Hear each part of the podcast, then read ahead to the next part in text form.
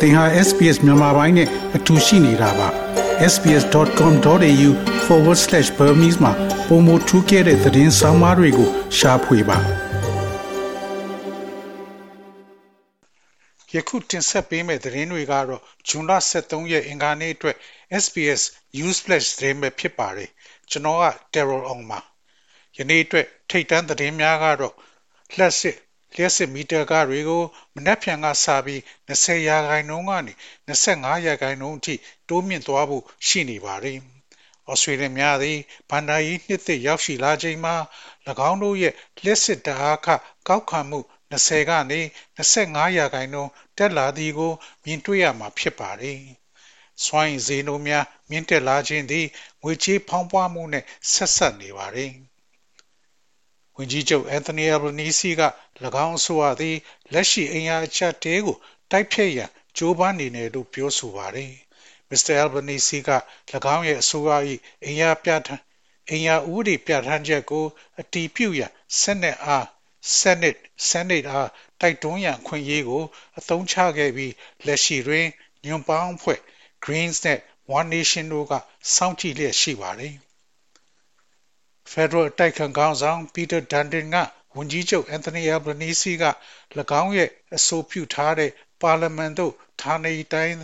ဌာနေတိုင်းသားများအတန်းကိုအာရုံစိုက်ခြင်းသည်ဩစတြေးလျနိုင်ငံရဲ့စီးပွားရေးကို ထိခိုက်စေကြောင်းပြောဆိုပါတယ်။အနောက်ဩစတြေးလျခီးစဉ်ကိုဆက်လက်သွားနေစဉ်ထိုပြည်နယ်နှင့်ကွင်းဆက်ရှိတယံဇာတလုပ်ငန်းအတွက်သာမဟုတ်ပါက တယံဇာတလုပ်ငန်းအတွက်သာမဟုတ်ပါကဩစတြေးလျသည် စီးပွား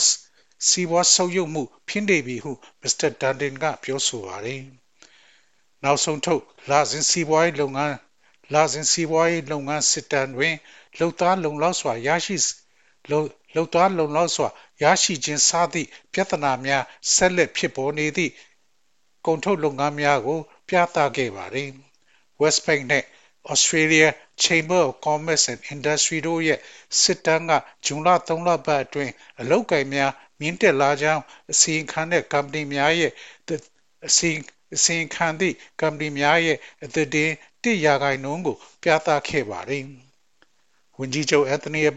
ဝန်ကြီးချုပ်အန်သိုနီအယ်ဘနီစီကအစိုးရရဲ့စွမ်းအင်ဈေးနှုန်းသက်သာမှုအစီအစဉ်သည်အိမ်ထောင်စုများအပေါ်ဖြစ်ပေါ်လာမဲ့ဖိအားတချို့ကိုဖြေလျှော့ပေးသင့်တယ်လို့ပြောဆိုပါတယ်။ဩစတြေးလျများကိုငွေကြေးဖောင်းပွားမှုငွေကြေးဖောင်းပွားမှုတွင်ထက်မတွက်ဘဲအစိုးရကတတ်နိုင်သမျှအစိုးရကတတ်နိုင်သမျှဆောင်ရွက်ဆောင်ရွက်ပေးနေကြောင်းမစ္စတာအယ်ဘနီစီကပြောဆိုပါတယ်။ဩစတြေးလျရဲ့နောက်ဆုံး ဩစတြေးလျရဲ့နောက်ဆုံးနိုင်ဩစတြေးလျရဲ့နောက်ဆုံးဩစတြေးလျရဲ့နောက်ဆုံးနိုင်ငံတကာလေဆိပ်အတွက်များစွာမျှော်လင့်ထားတဲ့ပြန်သမှုလမ်းကြောင်းများကို လူသိရှင်ကြားထုတ်ပြန်လိုက်ပြီဖြစ်ပါတယ်။စီဒနီမြို့နောက်ဘက်ရှိ Badgerys Creek လေဆိပ်အသစ်အနီးတွင်ကီလိုမီတာ20ရှည်လျားသောမြေနေရာတွင် နေထိုင်သူတချို့သည်ဆူညံဆူညံတဆူညံတအဆင့်80 80 decibel ပါဝန်းကျင်ကို2026ခုနှစ်နောက်2026ခုနှစ်နှောင်းပိုင်းတွင် စတင်ခန်းစားနိုင်တယ်လို့ကျွမ်းကျင်သူများကပြောဆိုပါတယ်။လေဆိပ်အသစ်သည် New South Wales ရှိပထမဆုံးညညပြန်တန်းညပိုင်းပြန်တန်းလို့ရတဲ့ညပိုင်းပြန်တန်းလို့ရတဲ့လေဆိပ်ဖြစ်ပြီးလေရင်ပြန်တန်းမှုသည်တပတ်လ9ရက်တနေ့တရက်လင်း တရက်လျင်24နာရီဆင်းဆင်းတက်နိုင်မှာဖြစ်ပါတယ်။နေ့စဉ်သတင်းများကို NAS နေ့စဉ်သတင်းများကိုပုံမနားဆင်လို့ရင် SPS Language Podcast ကိုသွားကြည့်ပါ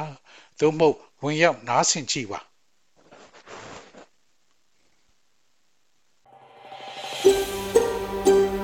ဒါမျိုးသတင်းဆောင်မတွေကိုပိုနားဆင်လိုပါလား Apple Podcast Google Podcast Spotify တို့မှာသင်ပင်ရာဖြစ်ဖြစ်ရယူတဲ့ podcast ကနေပါ